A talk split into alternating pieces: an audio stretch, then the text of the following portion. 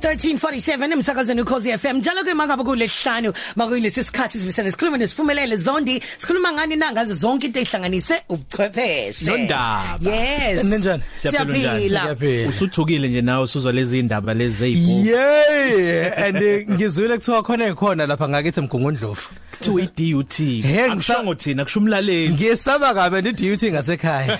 Usakhuluma nge-DUT siyazi ke ukuthi i-DG i-DG Fest yenzeke e-DUT namhlanje nakusasa.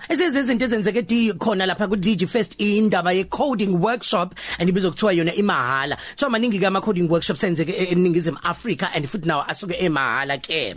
Thiwa futhi ke bancane abantu ba- abama coders la eningizimu Africa asiqale nge-DG Fest yini i-DG Fest Okay DG Fest um ay- inkulumo ehlukahlukene ezimayelana nochwepheshe bese njengoba usushilo ukuthi khona abantu abazobe befundisana nokcoder mahala kube khona izinto ezifana neanimation. Abanye bangayicabanga animation ukuthi opopayi ukuthi um ianimation into esiyisebenzisa kakhulu madlala ama game Yeah. angithi game losuku uyidlala efonini yakho kumele kube khona umuntu oyenzayo leyo nto uh, oyianimateayo nalokho kuthiwa khona abantu abazobe bekhipha ama class amahala ayo Wow. animation ukuthi uqala ubone ukuthi mawufuna ukungena kulowo mkhakha uh, uzenza kanjani lezo zinto. Naye coding mawufuna ukuqala ubone ukuthi abantu bakhoda kanjani ungena kanjani kona. Nezingxoxo ke zezinto ezihlukahlukene zezobuchwepheshe siyaphinda futhi yaqhamuka leli gama fourth industrial revolution. Nazo. wakwakhuluma ukuthi ukuqhamuka kwayo yebo kuzowaqeda amathuba emisebenzi esivele sikhona. Nazo. noma imisebenzi esivele sikhona. Kodwa khona amathuba amasha ikakhulukazi Nazo. kwezobuchwepheshe. Ngabe coding iyenye yalawo mathuba na? Awuyibeke kahle impela. Uh, ngoba ngengisho ukuthi singabi abantu baseAfrika othola ukuthi bathatha lezi zinto zobuchwepheshe zaphesheya. Siyisebenzise kodwa uthola ukuthi thina amakhono okuzenza asinawo njengama game lawo igame kumele kube khona umuntu oyicoder yangithi. Mm -hmm. so iwona ke amathuba amasha uqhamuka nawo okhuluma ngawo ke la azoqhamuka uh, ukuthi um icoding sekuyinto entsha engekho kakhulukazi la ku- kwizwekazi laseAfrika um siyabadinga abantu abazokwazi ukucoder So lokho ukhuluma ngendaba ye coding nami ngikhulumile indaba ye coding ukuthi kuzobe khona ama classes ama workshops amahala Eh. coding yini coding Um okay singathi indlela yokubhala kodwa eh hayi ilimi lezi siyiphimisa ngomlomo.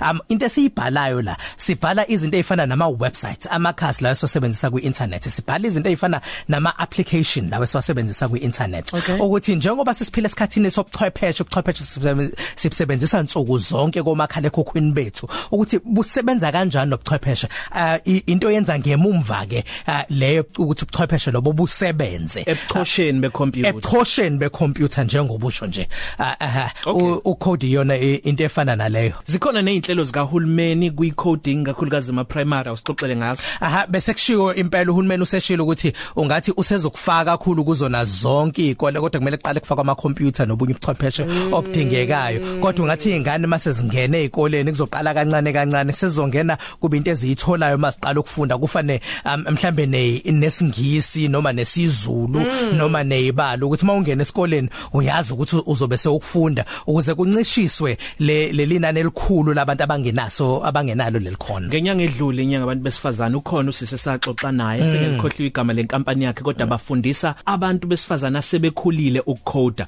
usuthi ke umbuzo manje ngabe wobani okumele bafunde ukucoda yena waye wayekhuthazela kakhulu ekufundiseni abantu besifazana kodwa nje wobani okumele bayazi lento? ngicabanga ukuthi ukhuluma mhlambe ngoNelisa Ngqulana Yebo. ah, o- wen- wenkampani ebizwa ngokuthi Coding Mamas Yebo. ukuthi ubheka abantu besifazana sebethe ukukhula ngoba inhlelo eziningi zibheka izingane inhlelo eziningi ziye zibheke abantu abasebasha uzwe kuthiwa mawuneminyaka eh, engamashumi amathathu nanhlanu kuya phansi. Um kodwa wonke umuntu uyalidinga lelikhono njengoba sisho nje ukuthi uma kuphela lemsebenzi emidala ayiphelele abantu abasebasha kuphela. Into esizayo ngabantu aba- abasha ukuthi uma sebeqeda isikole baqeda vele sebenalo lelikhono kodwa nawe umdala ungahamba uyolufuna lelikhono u- u- ukuthi uma ngabe sewuphela lo msebenzi wakho wazi ukuthi sewuna sewunalo ikhono elisha elifunekayo ngesikhathi esizayo. Nondaba siyabonga kakhulu. Mfethu utholakala kuphi nakumabona kude kumabona kude ngisohlelweni ekuthiwa iNetwork ku SABC News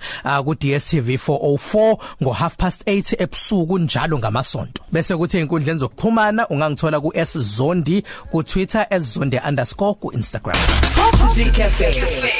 Ilunch yakho ayifani neyizolo.